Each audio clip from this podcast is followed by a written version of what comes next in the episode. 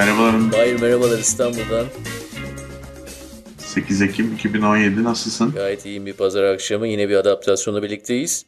E, son dakika haberi var galiba. İstersen hemen onu verelim. Bu program yayında Evet, olduğu zaman dakika. zaten herkesin haberi olmuş olacak. Evet. e, kayıt yayınlandığında herkesin haberi olmuş olacak ama şu anda anladığım kadarıyla en azından Amerika'da yaşayan Türkler, Amerika'ya seyahat eden Türkler ya da Amerika'ya gelmeyi planlayan Türkler için oldukça garip bir durum söz konusu. Herhalde Türkiye tarihinde ilk defa e, Amerika Türkiye'ye vizeleri geçici yani süresini açıklamayan, açıklamayarak durdurdu. E, bir NATO ülkesi ve Amerikan müttefiği olarak böyle bir şey daha önce olmamıştı galiba ben yanlış hatırlamıyorsam. İstanbul Büyük e, İstanbul Konsolosluğu'na saldırı olduğunda geçici süreyle durdurulmuştu. Büyük bir diplomatik kriz olabilir mi dersin? artık Çok çok az bilgi var elimizde yani tabii ama. evet e, son zamanlarda hem İngiltere e, başkonsolosu buradan ayrılıyordu hem de Amerikan Büyükelçisi de buradan ayrıldı. Evet. Ben İngiltere e, başkonsolosu buradan ayrılırken bir tane yemekte toplantıya gittim. E, öyle bir ton vardı ki gerçekten de yani Türkiye'yi tamamen çizmişler gibi bir durum vardı. Biliyorsun diplomatlar fazla bir şey söylemez. Söyleseler bile hemen geri adım atarlar. Ve burada e, olduğu gibi konuşuyorlardı gerçekten. Enteresan. Evet. Ee, yani bu haber tabii ki bizim planımızda olan bir haber değildi. O yüzden çok üzerinde spekülasyon yapmayalım ama e, en azından bizim için, programımız için de ilginç bir haber. Çünkü ben Amerika'da yaşıyorum, sen Türkiye'de yaşıyorsun. Ee, birbirimizi görmek isteriz tabii ki yani. Ee, böyle bir engel olması bizim için iyi değil. İnşallah Türkiye'de Amerika'dan gelenleri durdurmaz öyle diyeyim yani. En azından ben gelebilirim o zaman.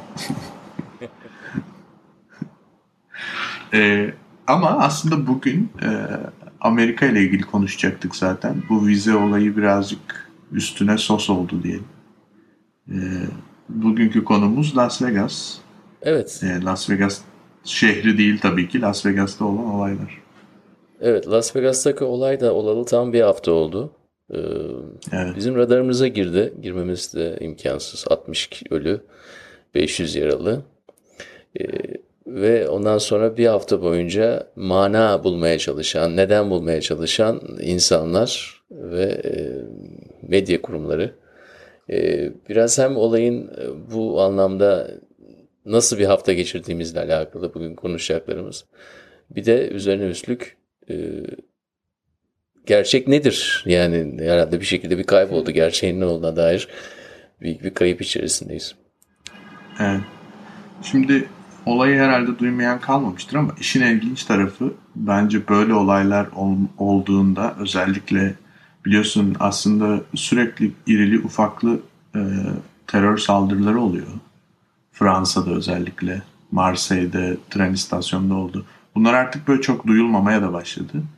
E, Bir uyuşukluk var gerçekten beyinde ve basının zaten bunları vermesinde de çok garip bir şey var artık yani bir bir patern bir doku var.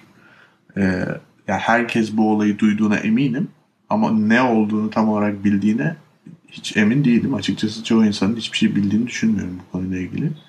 Çok kısa açıklayalım. Bir müzik festivali esnasında e, Las Vegas'taki strip üzerinde yani ana caddesi üzerinde e, 22 bin kişilik bir konser var. Konserin içeriği country müzik yani aslında e, Amerikan sağ yani konservatif ya da ulusalcı Amerikanların dinlediği bir müzik türü. Hani bir rock konseri ya da bir punk konseri falan değil. Elektronik müzik festivali de değil. E, bu 22 bin kişinin üzerine çok e, lüks ve meşhur Mandalay Oteli'nden 32. kattan e, yarı otomatik ama modifiye edilmiş yarı otomatik silahlarla ateş açıldı. Ee, ve bunun sonucunda işte bir takım videolar zaten internete düştü. Muhtemelen insanlar onu görmüşlerdir. Ee, sonuç olarak 59 kişi şu ana kadar öldü. 500 kişi de yaralandı. Ee, olay aslında bu bu noktadan sonra başlıyor. Çünkü bu işi kim yaptı? Yapan kimdi? Niye yaptı? Gibi bir sorular. Evet o kişiden Ee, başlayalım bir önce. iki gün içinde. Steve Paddock 9 Nisan 1953 tarihinde Iowa'da dünyaya gelmiş. E, dört erkek kardeşten en büyüğü. E, babaları bir e, ünlü bir e, banka soyguncusu. Kanun kanun kaçağı. Kanun kaçağı. Yani yalnızca banka soyguncusu değil. Yani confidence game oynayan yani kan man dedikleri filmlerin çok sevdiği bir karakter. Güven üzerine kurulu birçok tezgah kuruluyor. Ee, babasını tanıyan birisi değil e, Steven. Ee, ondan sonra da e, o 64 yıl boyunca ne olduğuna dair tabii detaylar da e, yavaş yavaş düştü. İşte e, şurada e, liseyi bitirdi, üniversiteye burada gitti. İlk işi e, vergi dairesinde başlıyor. İlk önce pardon. E, posta posta servisinde başlıyor. Sonra vergi dairesine geçiyor. E, sonra bir muhasebeci olarak devam ediyor. En sonunda da artık e, full time bir gambler haline geliyor. Ama en önemli şeyi e, emlak işine giriyor. Emlaktan da çok büyük paralar kazanıyor. Amerika için bile iyi paralar tabii bunlar. Şimdi burada e, ya olayın böyle sanıyorum aslında herkesin aradığı şey neden olduğu için yani kimden ziyade neden yaptı bunu.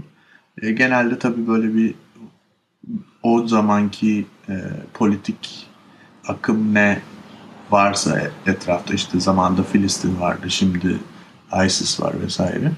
Ona kendini bağdaştıran biri çıkarsa hemen bu iş zaten kapanıyor. Motivasyon sebep buymuş diyorlar. Ya da işte ne bileyim Amerika'da böyle bu tip saldırılar ne yazık ki çok oluyor zaten.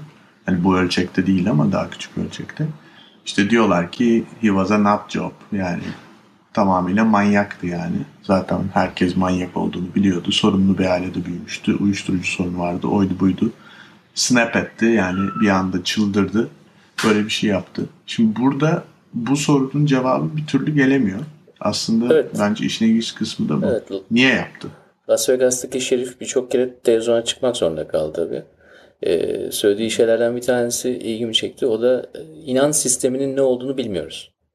Ee, inanç sistemi dahilinde belli bir e, e, anlayış oluştuktan sonra ondan sonra diyorsun ki inanç sistemi buysa bunu yapmasının nedeni şu şu olabilir şeklinde.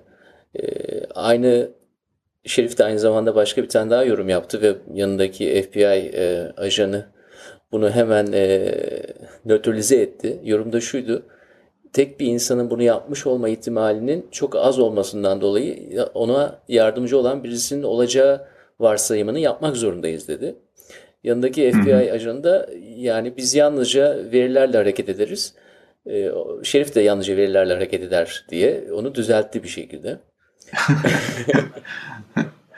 Çok şey tatlı sert bir düzel. Amerikan usulü düzeltme. Ya bu da tam Amerikan usulü yani herhalde bizim gördüğümüz sayısızca filmde hep her zaman e, lokallerle federaller arasında bir çekişme vardır.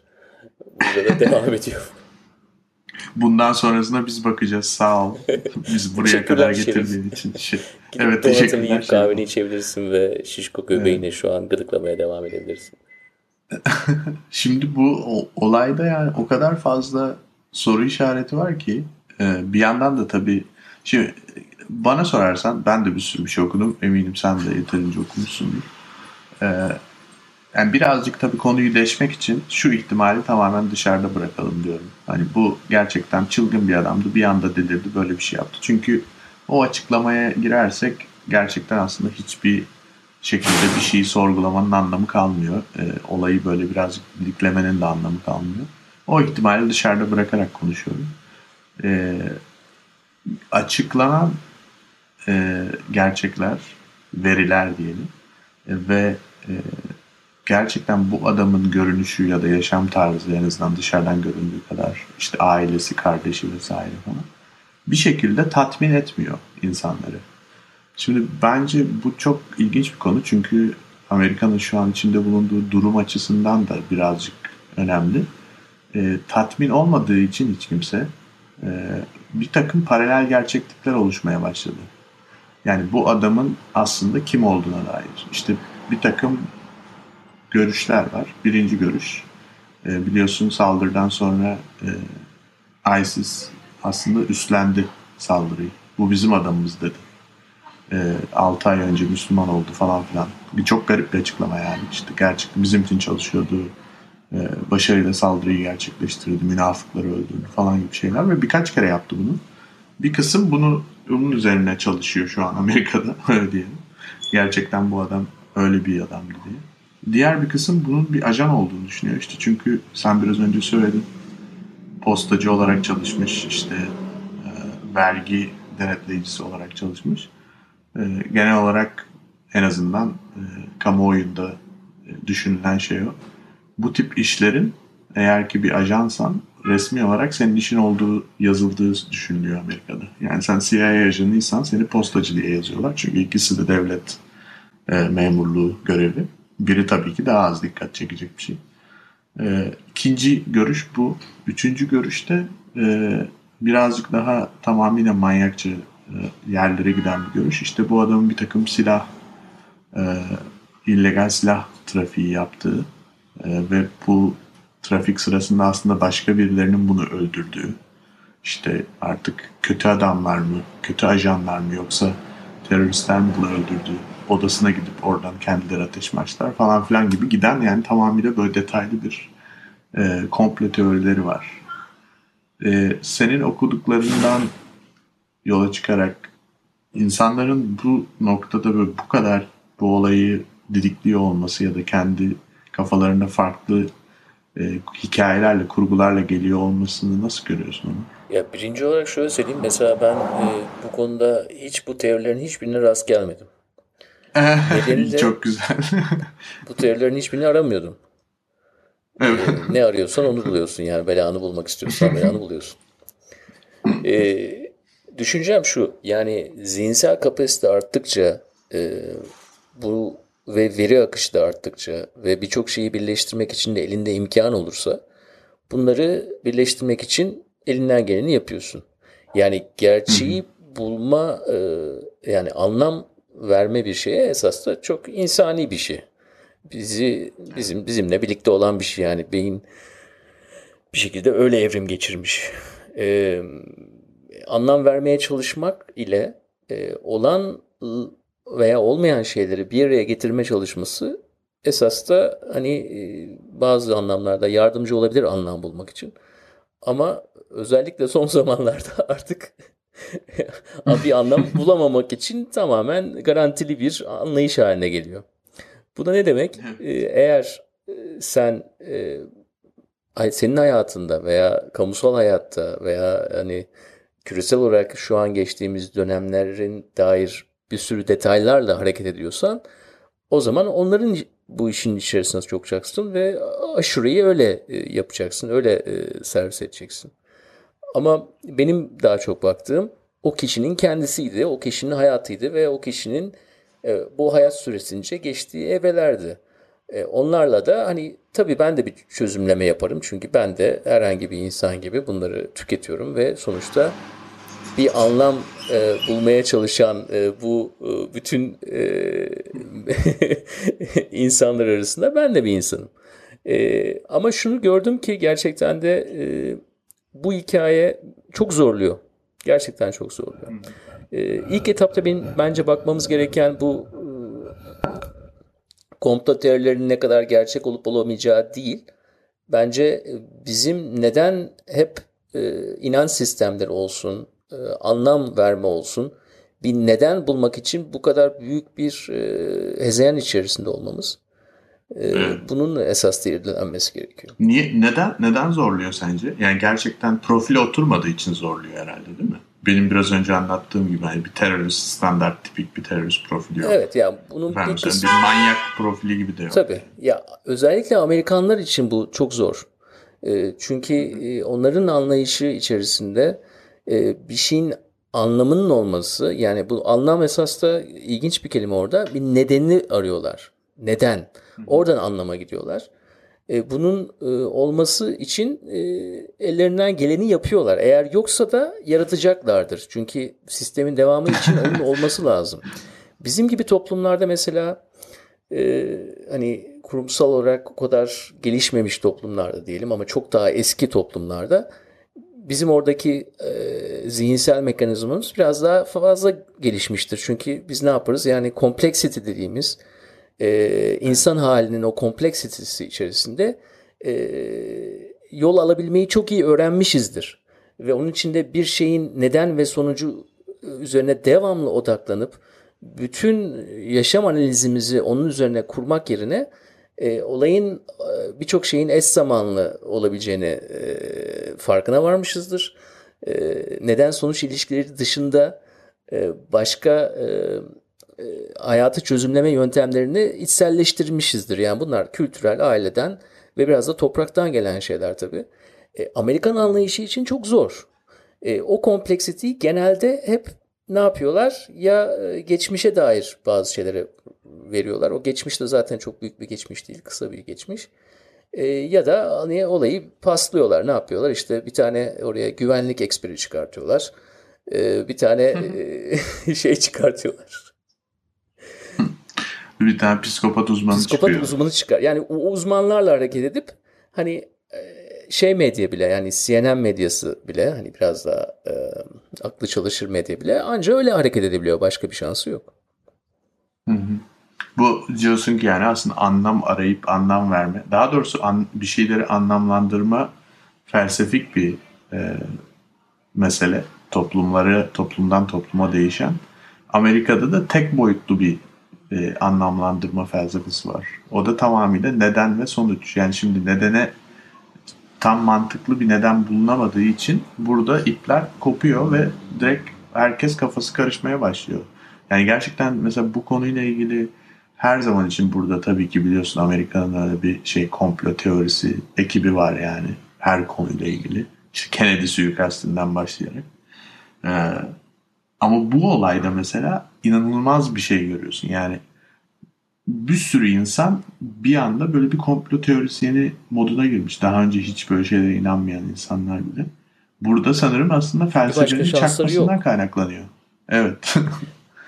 evet yani sistemin yani devamı bulmak için, zorunda yani. evet sistemin devamı için e, bunun gerekliliği o kadar içselleştirilmiş ki esas da bunu yapanlar illa hani sistemin devamlılığını sağlamak için sorumlu olan kurumlar, e, politikacılar, bürokratlar, şerifler, FBI ajanları falan değil.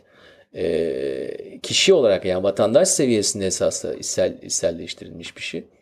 Bu da hani Amerika'nın devamı veya işte kapitalist sistemin devamı gibi bir şey değil. Yani onlar bir sonraki güne devam ettikleri zaman bunun çözümlenmiş bir haliyle devam etmeleri onlar için çok daha iyi. Çünkü o zaman böyle bir şeyle karşılaştıkları zaman e, ve bunu çözüme ulaştıramadıkları zaman bir sonraki gün kalkıp işte sabahleyin gidip işte arabasına binip e, banliyöden şehir merkezine giden o beyaz prototip Amerikalısı var ya.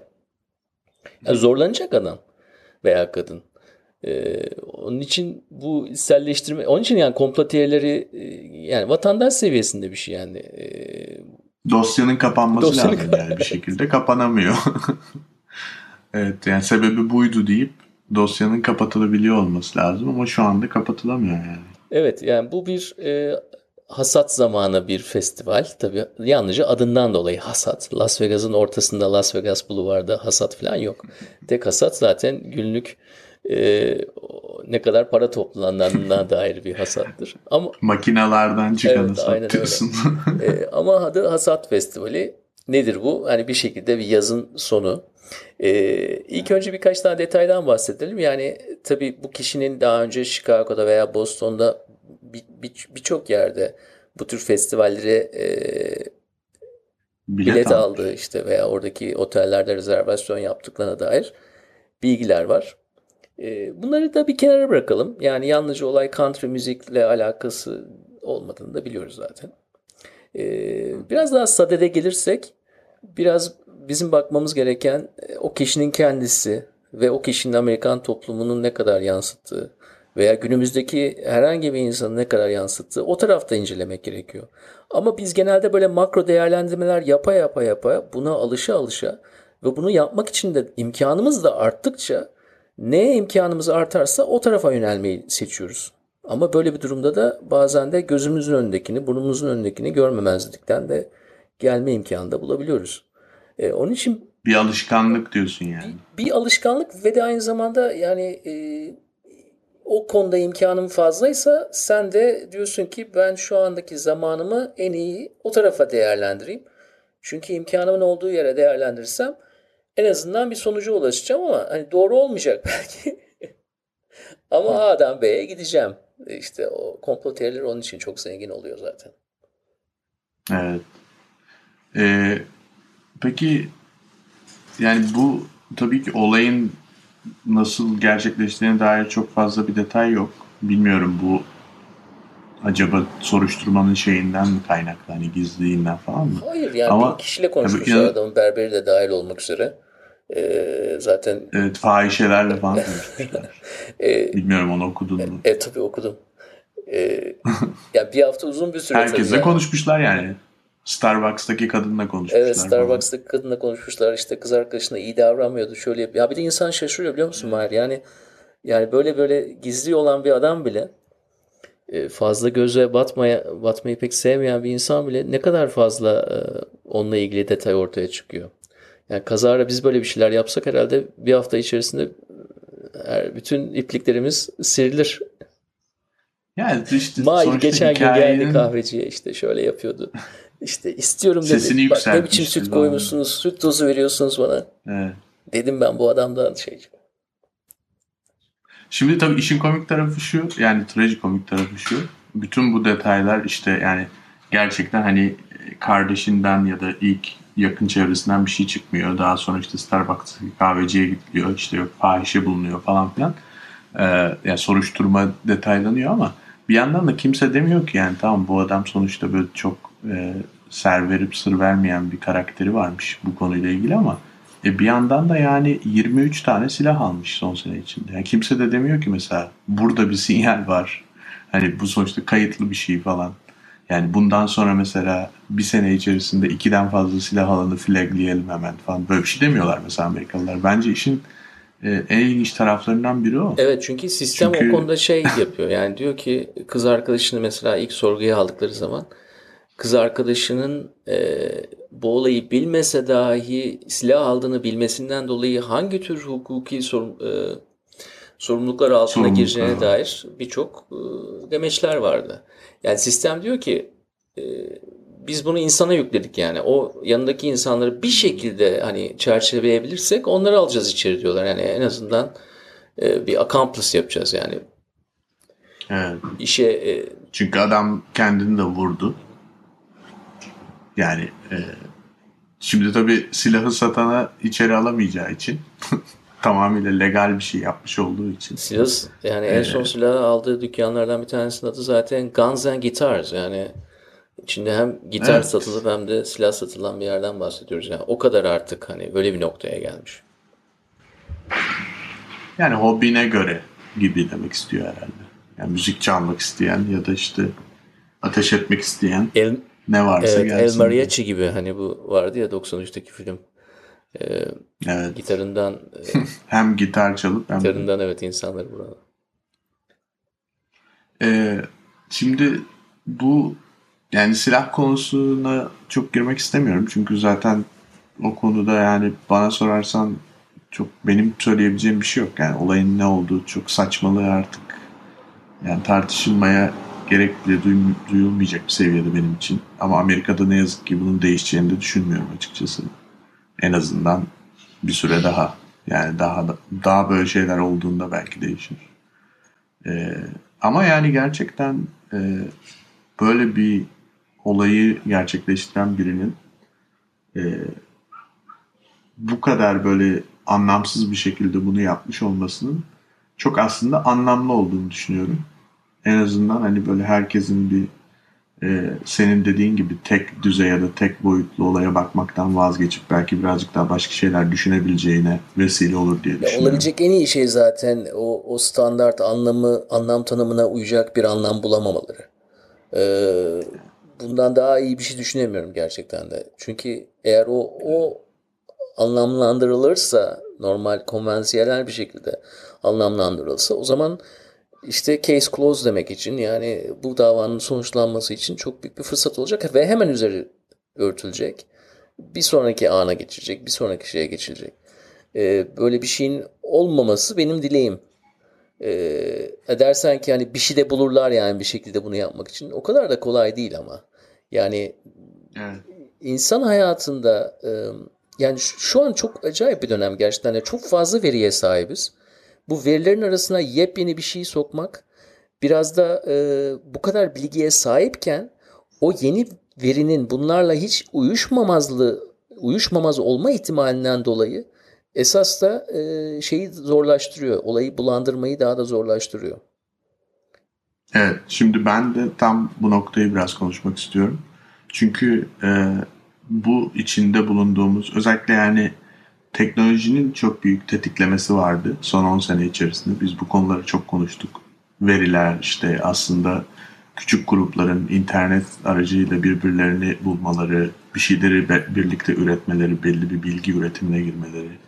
Bu tip şeyler ve son seçimdeki politik twist yani bütün hikayedeki politik e, yeni kurgu işi çok ilginç bir noktaya getirmiş durumda. Şimdi bu olaya baktığımızda iki şey görüyoruz. Birincisi senin dediğin gibi konuyu e, bir şekilde dosyayı kapatmak için bulandırarak ve bağlayarak dosyayı kapatmak için çaba sarf eden e, eğer birileri varsa işte hükümet yetkilileri ya da işte e, güvenlik güçleri vesaire bunu yapamıyorlar. Niye yapamıyorlar? Çünkü sürekli dediğin gibi işte bir takım insanlar bu işin peşini bırakmıyorlar. Diyorlar ki Aa, sen bunu dedin ama bak böyle bir de belge çıktı.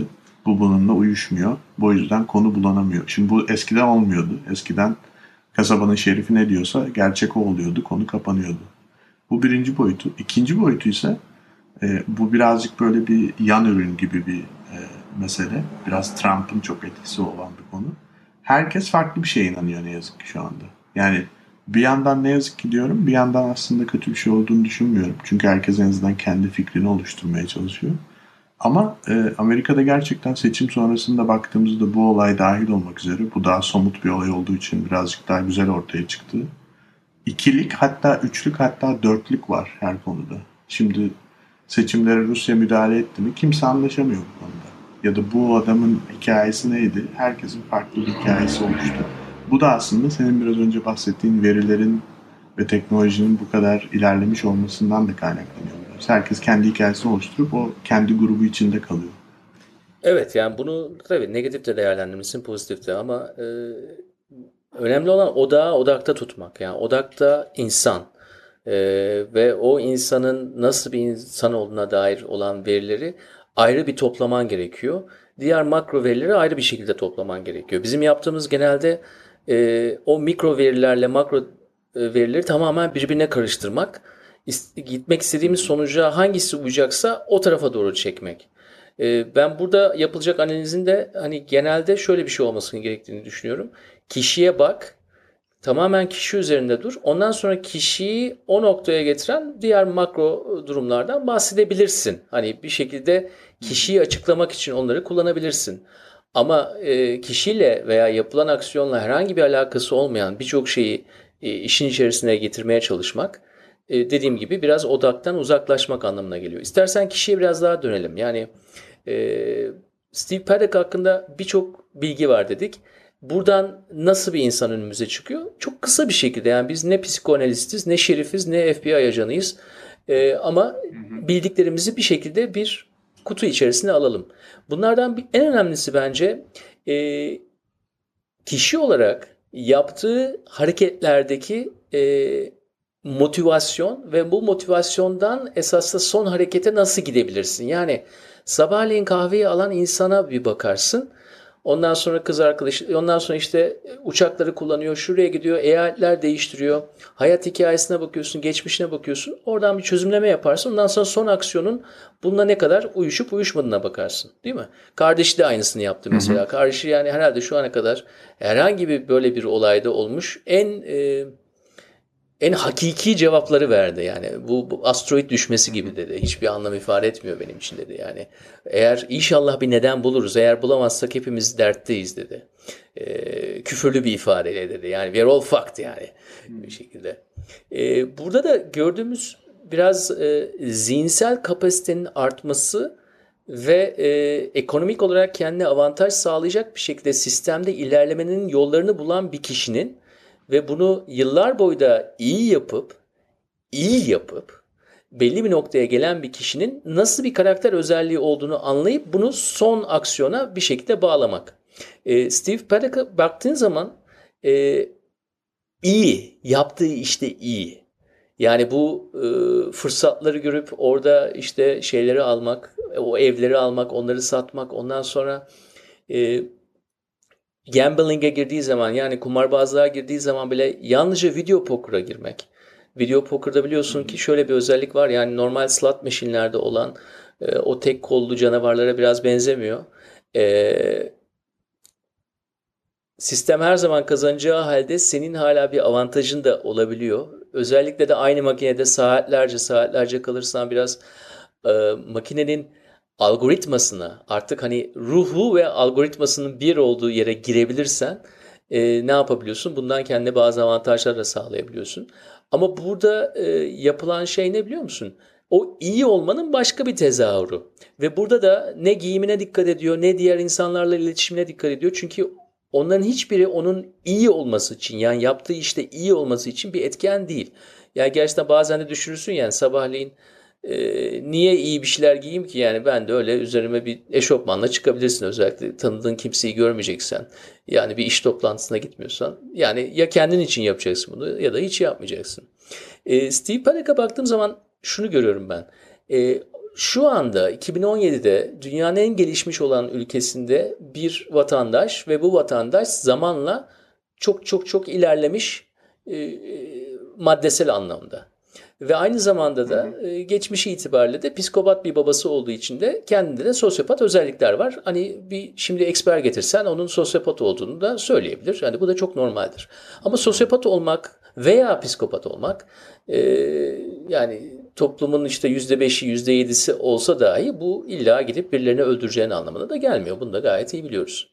Ama bence burada bakmamız gereken bizim e, matematiksel kafanın e, sayısallarla ilerlemenin veya her insanla veya insansız her türlü her türlü aktivitede bundan nasıl kar sağlayabileceğimize dair tamamen odağımızı onun üzerine kurmanın, yıllar üzerine, yıllar üzerine bununla işlemenin ve bunun da sistem tarafından özellikle Amerikan sistemi tarafından oldukça, desteklenmesi ve her türlü komünite, insanlar, insan topluluğu gibi birçok şeyin orada da çok güçlü olduğu halde tek kürek bir şekilde böyle ilerlemenin de sistem tarafından oldukça e, desteklenmesi belli bir e, belli özelliklerimizin daha e, keskinleşmesine, belli özelliklerimizin tamamen ortadan kalkmasına neden oluyor.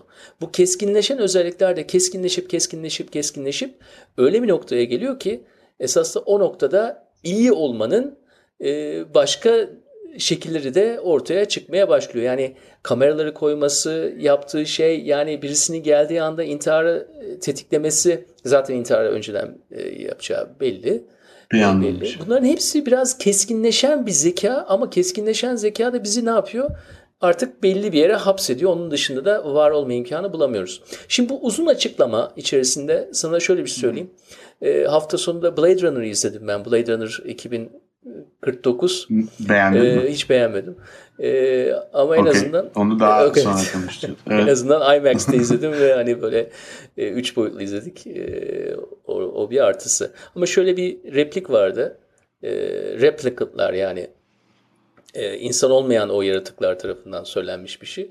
E, insan olmanın, insansılıktan insana geçmenin en kolay yolu, en iyi yolu daha doğrusu diğer insanlar için bir şey yapmaktır. Şimdi ben bu arkadaşa baktığım zaman tamam bir e, kimse için bir şey yapmamış. Belki son anla hep kendine yapmış. Evet. Bütün hayatı zaten onun üzerine kurulu, onun üzerine kurulu, onun üzerine kurulu ve sonda da hani büyük bir e, onun üzerine kurulu bir hayatı yine onun üzerine böyle bir fire şey olarak havai fişeklerle bitiriyor. Zaten orada olan insanlar da havai fişek olduğunu zannetmişlerdi. Ama bütün hayatı boyunca zaten o o ekstrem bireysellik içerisinde olmuş bir çocuktan çocukluktan itibaren e, e, mali imkanları kısıtlı bir aileden olmasından dolayı babasının olmaması da bunların hepsi konuşulur da e, bütün hayatı boyunca iyi olmak zorunda kalmış ona programlanmış bir insanın ve yalnızca kendi düşünmek için programlanmış bir insanın en sonunda da böyle bir hareketle gitmesi e, çok da şaşırtıcı olmaması lazım. Evet. Ama bu yani bizim yani, iyi kötü anlamları yani hı. adamlar sonuçta Yıldız Savaşları diye bir şey icat etmiş George Lucas yani 10 milyar dolarlık bir operasyon 30 senesine baktığın zaman iyi kötü iyi kötü üzerine ama e, hep de yanlış anlamışlar yani. Sanki iyiler var ve kötüler var gibi algılıyorlar ama iyinin içindeki kötüyü, kötünün içindeki iyiyi de görmek lazım. Onun için böyle bir insanda da bence e, birçok detayın ortaya çıkması, işte e, bu bireyselliğin yanında ailesine önem vermesi, şunu yapması, bunu yapması gibi şeyler e, esas da olayı da daha da güzelleştiriyor diyelim. Yani o bizi o gri alanda biraz daha hareket etmemizi sağlayabiliyor. Ama bundan daha günümüze ait bir konu var mı Mahir? Yani daha günümüze ait bir konu olamaz herhalde. Yani bu ekstrem bireysellikten daha bizi bize anlatan bir şey olamaz diye düşünüyorum.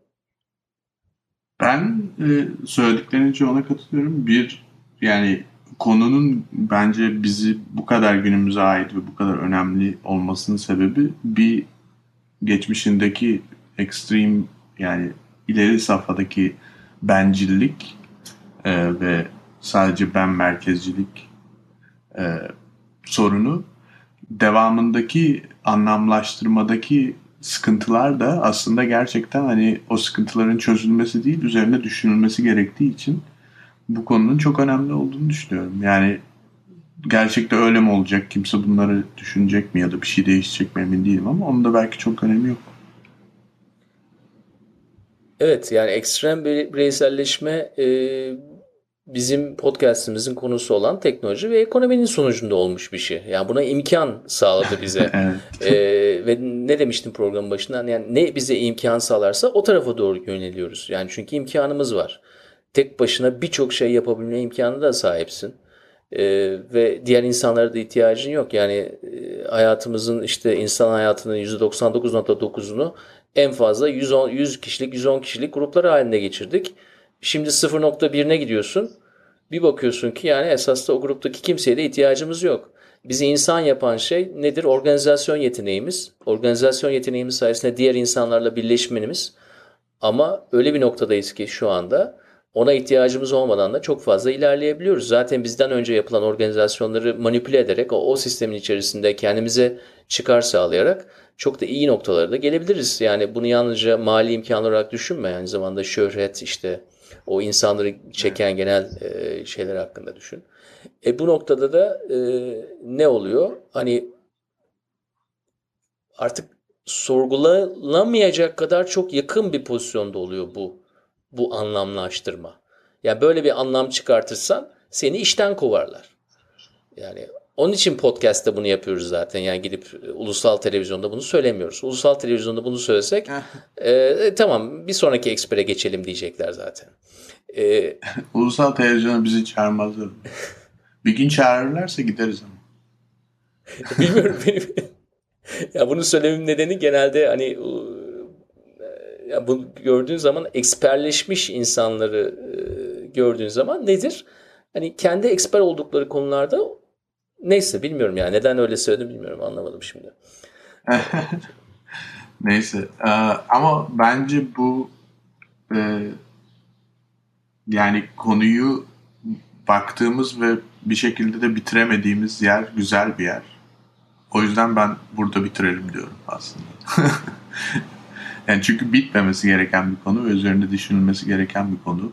Ee, en azından e, bizim de nasıl konuyu bağlayamadığımız ve bitiremediğimiz bu haliyle kalsın diyorum. Aynen öyle Mahir. Bakalım ne olacak yarın? O zaman vizeler vizeler. Umarım evet yani ben tabii ki uslanmaz bir optimist olarak hep iyi şeyler olmasını istiyorum herkes için ama e, bakalım görelim diyorum. E, seninle de bir sonraki programda Görüşürüz görüşmek üzere diyorum.